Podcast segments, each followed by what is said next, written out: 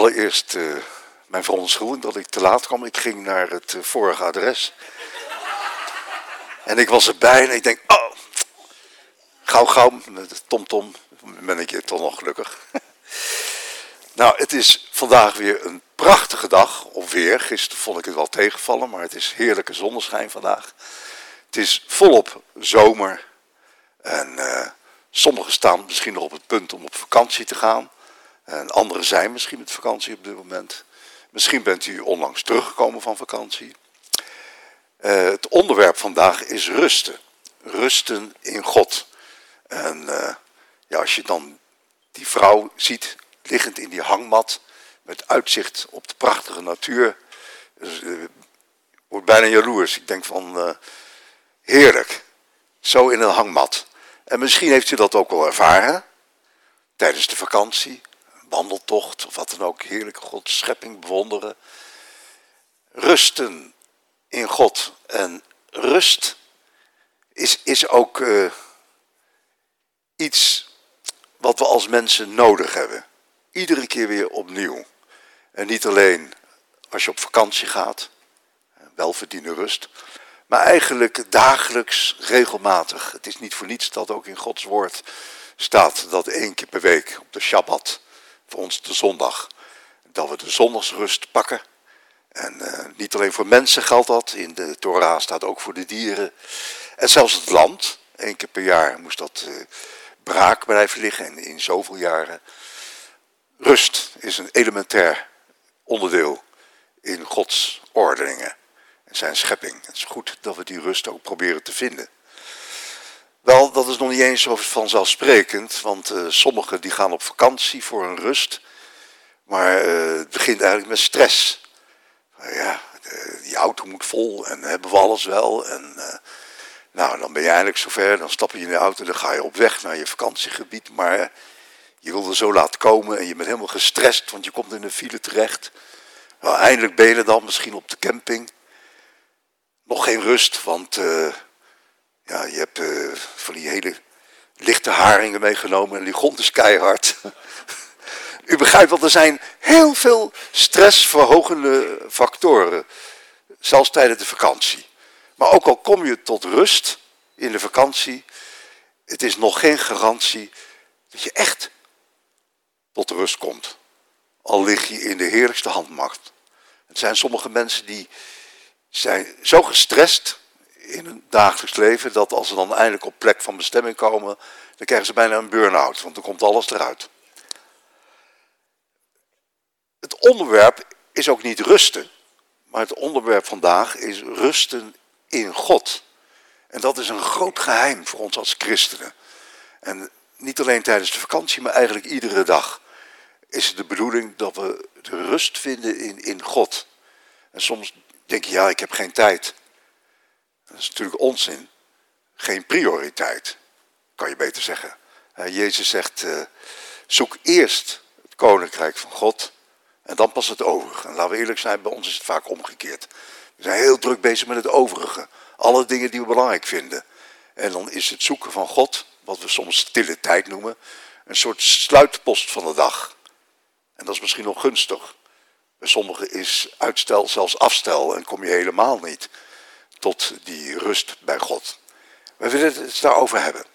Maar voordat we daar diep op ingaan, dat als je op een gegeven moment hard hebt gewerkt en tot rust wil komen, is, is een Bijbels gegeven. Maar ook Jezus kwam op dat idee. En ik ga met jullie een Bijbelgedeelte lezen, is best interessant. Voordat we dat gaan lezen, uh, even een kleine inleiding daarop, wat de omstandigheden waren. Uh, de Heer Jezus had zijn uh, discipelen, zijn leerlingen, erop uitgestuurd om zending te bedrijven in zijn naam. Twee aan twee gingen ze dagenlang langs de huizen en uh, ze verkondigden het evangelie van het koninkrijk van God en deden zelfs wonderen en tekenen in de naam van Jezus. En toen ze terugkwamen bij de Heer waren ze helemaal, helemaal gingen ze uit hun dak, want ze zeiden van Heer, zelfs de demonen onderwerpen zich aan ons in uw naam. En ze waren er vol van. Maar ze waren natuurlijk ook helemaal afgemat en moe van die zendingsreis. En dan lees je het volgende. We gaan eens dat eens lezen met elkaar. Ik heb erboven gezet een tijdje uitrusten, want dat komt letterlijk in die tekst voor. De apostelen kwamen weer terug bij Jezus en vertelden hem over alles wat ze gedaan hadden en wat ze de mensen onderwezen hadden.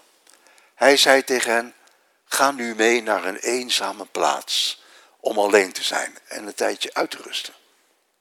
Want het was een voortdurend komen en gaan van mensen, zodat ze zelfs niet de kans kregen om te eten. Ze voeren met de boot naar een afgelegen plaats om daar alleen te kunnen zijn. Wel, dat lukte niet. Want zij gaan daar in het bootje. En Jezus heeft echt het plan om met zijn leerlingen ergens naar een eenzame plaats te gaan. Zodat ze een tijdje kunnen uitrusten met hem. Dat was zijn intentie.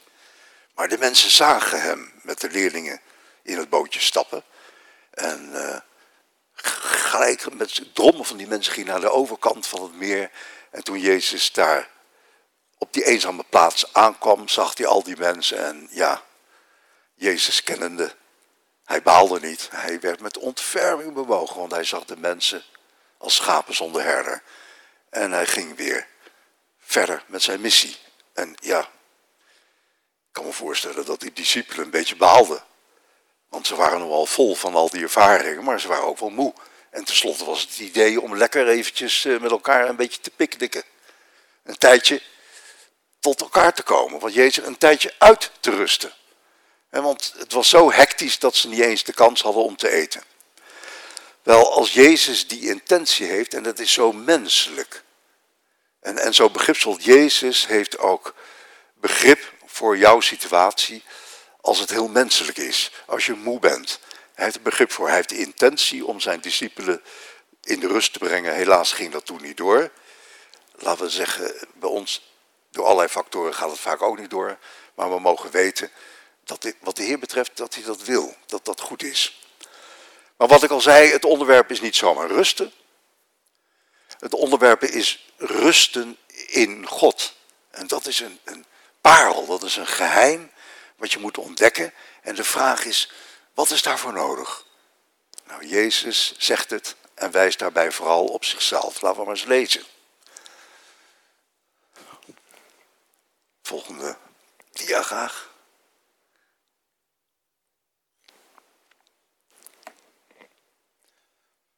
De prachtige tekst uit Matthäus 11. Jezus zegt, komt allen bij mij, jullie die vermoeid zijn en onder lasten gebukt gaan. Ik zal jullie rust geven.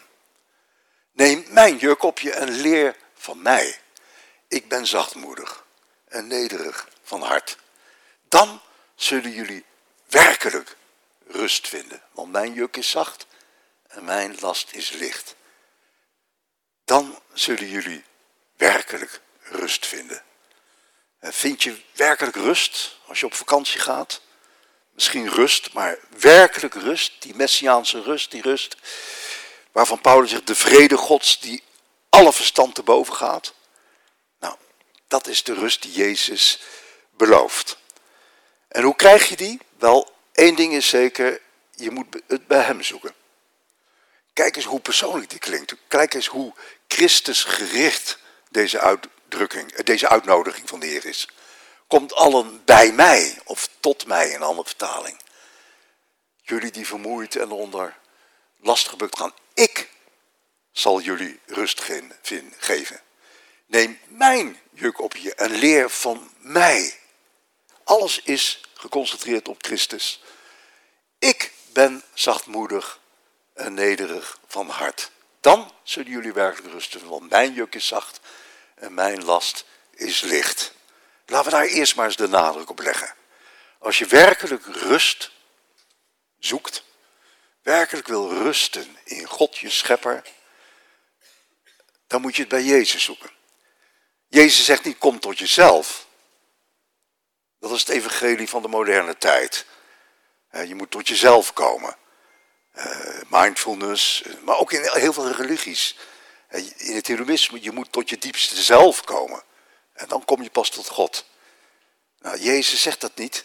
Hij zegt, kom tot mij. En het mooie is, als je tot Jezus komt, dan kom je pas echt goed tot jezelf. Tot je bestemming. Maar de nadruk ligt, zoek het bij mij. En leer van mij, zegt Jezus. En wat zo mooi is, hij zegt daarbij, ik ben zachtmoedig en nederig van hart. Onze heiland, onze Messias, onze Verlosser is zo toegankelijk. Net zei ik al van hij is zo menselijk. Hij wilde zijn discipelen in rust brengen.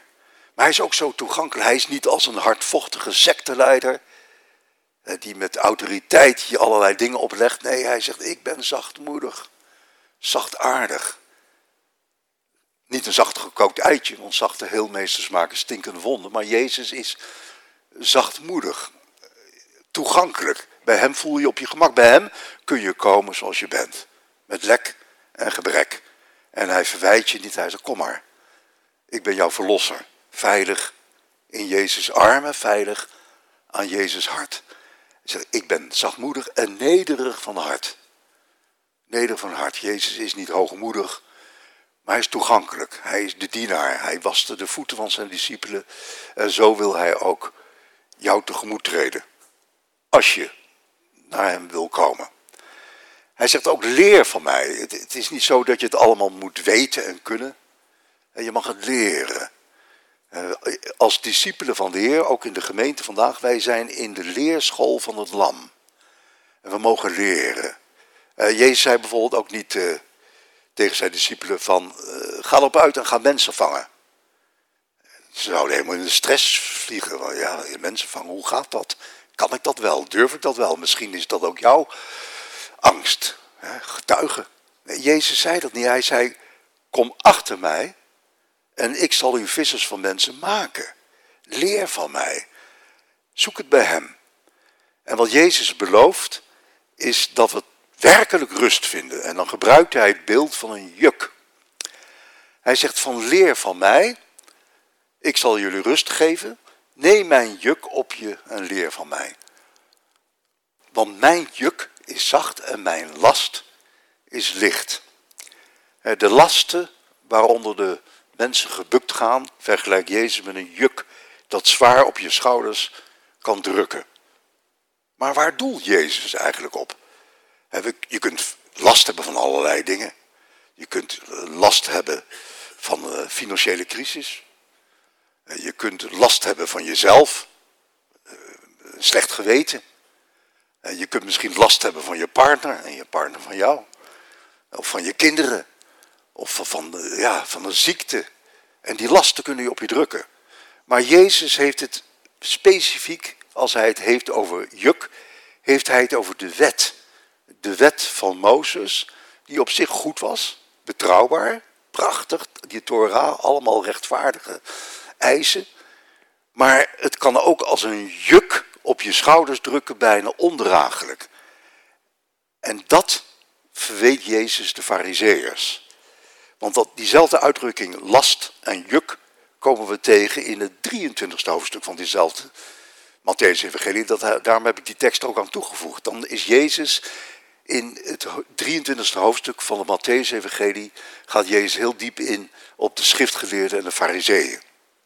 En dan zegt hij onder andere dit, ze bundelen alle voorschriften tot een zware last en leggen die de mensen op de schouders. En het volk ging gebukt onder dat zware juk. Want de fariseeërs en de schriftgeleerden die eisten in de naam van de wet van Mozes de meest onzinnige dingen. Die Mozes ook niet eens had geëist. Zelf ook. Ze leefden bijna volmaakt naar de wet.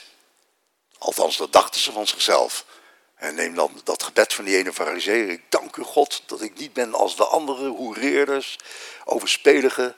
En ik vast zoveel keer per week en ik geef mijn tiende. En Jezus verwijt dat hun in dat 23e hoofdstuk. Want over de opdracht om je tiende te geven, waren die fariseeën zo fanatiek, dat ze zelfs de tiende gaven van een kruidentuintje. Jezus zegt, jullie vertienen de munt en de dille. Het pepermuntplantje en de dille. En ook geven jullie daar de tiende van. Heel fanatiek en heel overdreven. Zeg maar, de essentie, het belangrijkste van de wet verzuimen jullie. Namelijk de liefde, de barmhartigheid en het oordeel. En Jezus wil tot de essentie komen van de wet en de mensen oproepen om daaraan te voldoen. Oké, dit gezegd hebbende, Jezus zegt wel iets merkwaardigs. Want hij zegt die fariseeën en de schriftgeleerden, die bundelen alle voorschriften tot een zware last en leggen die de mensen als een juk op de schouders. Maar hij zegt tegelijkertijd, mijn juk is zacht en mijn last is licht. Neem mijn juk op je, vers 29, leer van mij. Vers 30, want mijn juk is zacht en mijn last, hoe moet je dat opvatten?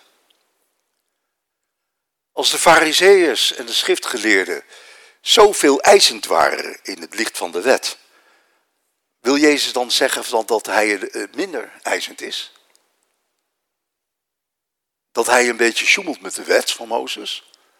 Nee, want in de bergreden lezen we eigenlijk het omgekeerde. Dat Jezus tot de oude is gezegd. Maar ik zeg u, en dan gooit Jezus nog een schepje erbovenop. Over echtbreuk bijvoorbeeld. Zegt hij, als je alleen al een vrouw aanziet om haar te begeren, heb je in je hart al echtbreuk gepleegd. En over doodslag. Hé, mijn juk is zacht. Lijkt wel of Jezus met de eisen die hij stelt in de bergreden een nog veel zwaarder juk op ons leggen. Laten we eerlijk zijn, Jezus die zegt dat allemaal, die eisen in de bergreden. En dan zegt hij op een gegeven moment, jullie zullen dan volmaakt zijn. Zoals de hemelse vader volmaakt is. Ga er maar aan staan. Die lat wordt wel heel hoog gelegd door de Messias.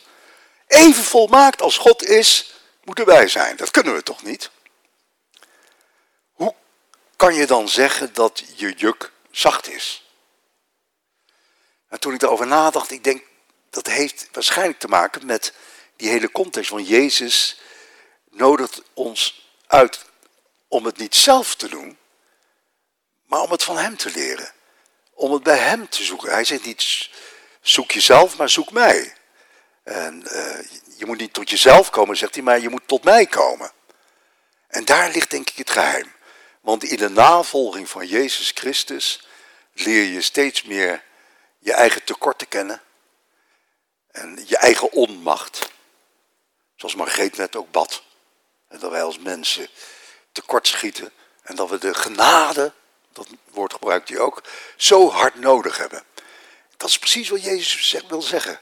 Als je vermoeid bent, als je helemaal vermoeid bent, ook van de lasten van jezelf, dat dingen niet lukken misschien in je leven.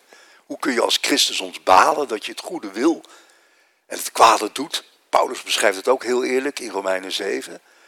En uiteindelijk zegt hij, ik ellendig mens. Wie zal mij verlossen van dit lichaam deze doods? En dan zegt hij, Gode zij dank, door Jezus Christus. En dan komt Romeinen 8, het leven in de Heilige Geest. En door de Heilige Geest. Want wat Jezus eist in de wet, volmaakte liefde, zelfs naar de vijanden toe, dat is bijna gods onmogelijk. Nee, het is alleen maar gods mogelijk. Het is mens onmogelijk om ook je vijanden lief te hebben, maar door de Heilige Geest, waarvan de eerste vrucht de liefde is, is het mogelijk. En dan doe je het niet zelf, dan doet Jezus het door je heen. Dan krijgt hij ook alle eer. Met andere woorden, ik denk dat het grote geheim van het rusten in God te maken heeft met die genade die Jezus biedt. En het enige wat hij vraagt is, kom bij mij, kom tot mij, leer van mij, ontvang van mij. En als je iedere keer op die manier leeft als christenmens, zijn liefde inademt en jouw zonde en tekortkomen uitademt, dan groeien. Paulus die kende dat geheim. En we gaan nog twee teksten onder de loep nemen. En de volgende tekst benadrukt dus niet op eigen kracht. Als er één iemand is die op eigen kracht dingen zou kunnen en willen doen, was het apostel Paulus wel. Kijk, als je op een gegeven moment niet veel gaven en capaciteiten hebt en niet uh, super intelligent bent, ja, dan kan je, heb je gauw reden om te twijfelen aan jezelf. Maar als het omgekeerd is, de apostel Paulus was super intelligent, hij was ontzettend fanatiek, hij leefde bijna uh, volmaakt naar de wet van God, dat zegt hij ook ergens. Maar ja, God kan hem alleen maar gebruiken als hij juist helemaal afhankelijk is van hem. En God heeft waarschijnlijk de grootste klus met die mensen die zo ongelooflijk in zichzelf opgaan. En zo zelfverzekerd zijn. En Paulus beschrijft ergens, voordat we die tekst gaan lezen, zegt hij dat hij helemaal moest worden afgebroken door God. Hij kreeg zelfs een doorn in het vlees om hem klein te krijgen. En tot driemaal toe bad hij tot God, oh neem die doorn uit het vlees weg. En dan kreeg hij het antwoord van nee, want mijn genade is je genoeg. Want mijn genade openbaart zich eerst ten volle in jouw zwakheid. En de apostel Paulus moest volledig zwak worden. Helemaal zijn ego verliezen. En uiteindelijk alles wat hem winst achtte, die wetsvervulling als fariseer voordat hij christen werd, achtte hij op een gegeven moment als vuilnis om Christus te winnen en zijn opstanding. Dat is het proces waar Paulus doorheen ging. En uiteindelijk vond hij daar vrede in. Bad hij niet meer om God neemt die door naar het vlees weg, want hij leerde het geheim kennen. Hij zei zelfs, ik, daarom heb ik een welbehagen in, in, in al die vervolgingen. Want als ik zwak ben, ben ik machtig in de Heer. Nou, en dan zegt hij het volgende. Door zijn genade ben ik nu wat ik ben. En zijn genade is bij mij niet zonder uitwerking gebleven. Integendeel, ik heb veel harder gewerkt dan alle andere apostelen. Ik zeg, oh, de capsonus. Nee.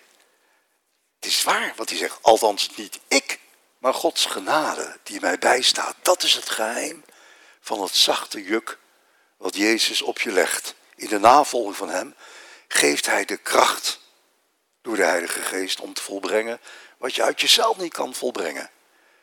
Eh, je zou ook kunnen zeggen, wat de wetgever eist in zijn wet, dat schenkt hij uit genade. De gerechtigheid op basis van het volbrachte werk op Golgotha. En als we daaruit leren leven, dan kunnen we denk ik ook meer ervaren wat Paulus zegt. Ik vind het zo mooi. Door zijn genade ben ik nu wat ik ben. En misschien ben jij, u, wel gegroeid geestelijk. Als je terugdenkt van, vanaf het moment dat je door bekering kwam of gedoopt werd tot nu. Voor sommigen zit het misschien wel 40, 50 jaar geleden. Voor anderen misschien wat korter geleden.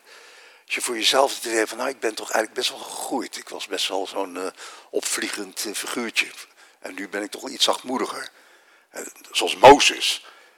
die was allerminst zachtmoedig.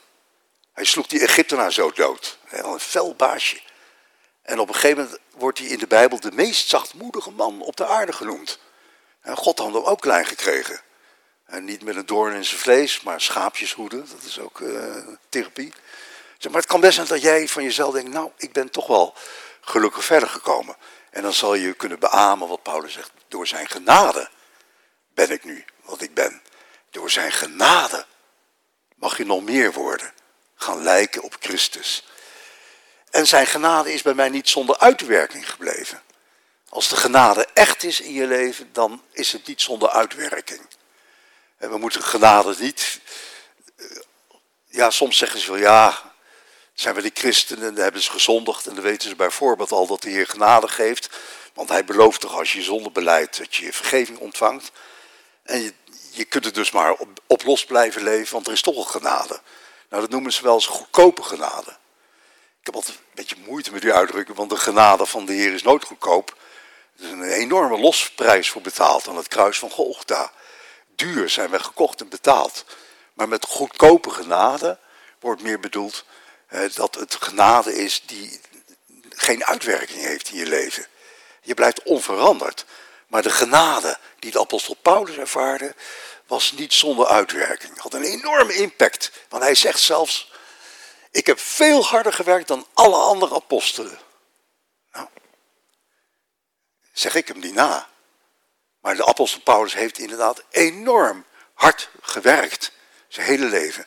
Maar niet uit zichzelf. Door de genade die God hem schonk. Dat is het geheim van het rusten in God. Afzien van jezelf. Eerlijk zeggen, Heer, ik kan het niet uit mezelf. Maar wilt u door mij heen doen. En het mooie is, als je zo leeft, heb je ook niks om je te beroemen op jezelf. Je kan wel niet zeggen, nou de Heer heb ik toch mooi voor u gedaan. Want je weet dat je het niet kon zonder hem.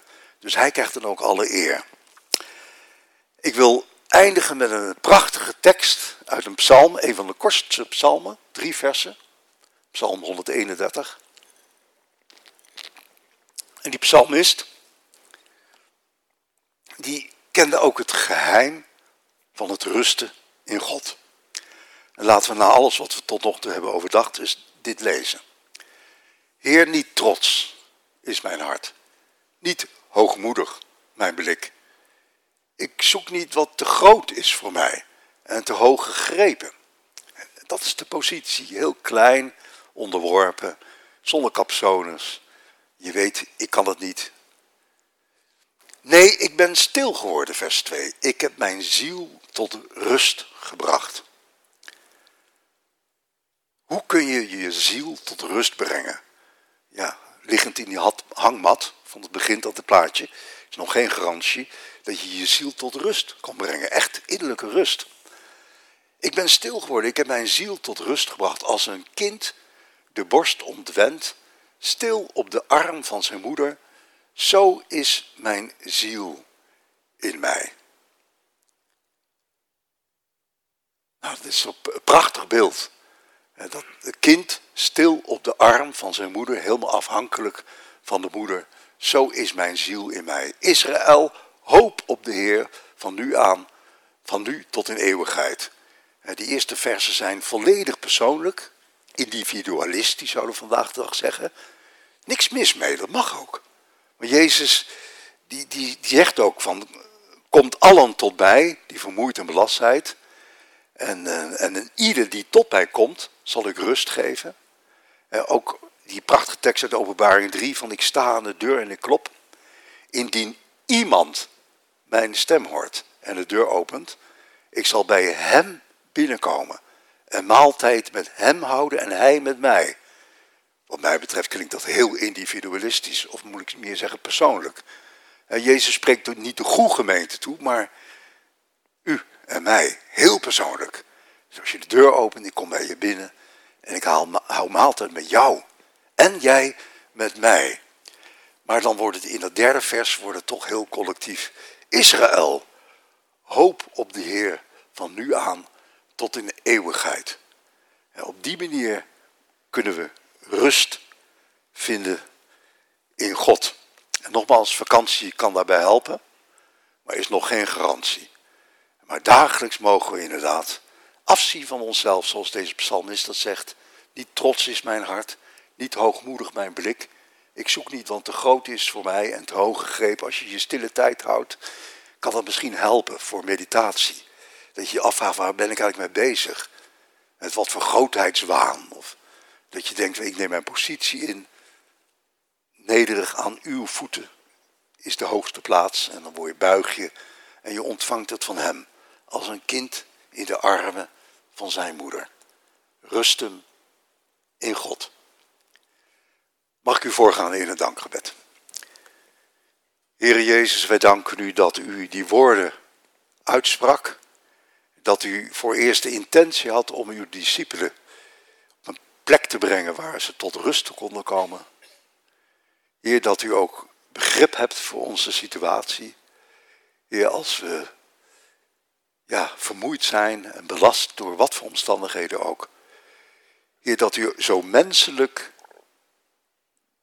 ons tegemoet komt en zegt, leer van mij, want ik ben zachtmoedig en nederig van hart. Hier bij u mogen we werkelijk onszelf zijn en tot onszelf komen als wij tot u komen. Heer, dank u wel dat u garandeert en je zult werkelijk rust vinden. En u vraagt om van u te leren en u vraagt uw juk op ons te nemen. En u zegt daarbij, mijn juk is zacht, mijn last is licht. Heer, leer ons als het ware ieder juk dat te zwaar is, te wantrouwen. Ons af te vragen, waar komt dat juk vandaan? Heer, misschien leggen we bepaalde jukken wel elkaar op, zoals de fariseeërs dat deden. Misschien leggen we wel een juk onszelf op. Heer, uw juk is zacht, uw last is licht. Heer, help ons dat te verstaan. Help ons telkens van u te ontvangen. Die genade die ons in staat stelt, Heer, om te veranderen naar uw beeld. We danken u, Heere God, dat we bij u werkelijk rust kunnen vinden. Halleluja. Amen. We gaan zingen. Luisteren naar een lied, ook goed. De liefde van God onze Vader, de genade van Jezus Christus onze Heer en de gemeenschap van de Heilige Geest zijn met ons allen. Amen.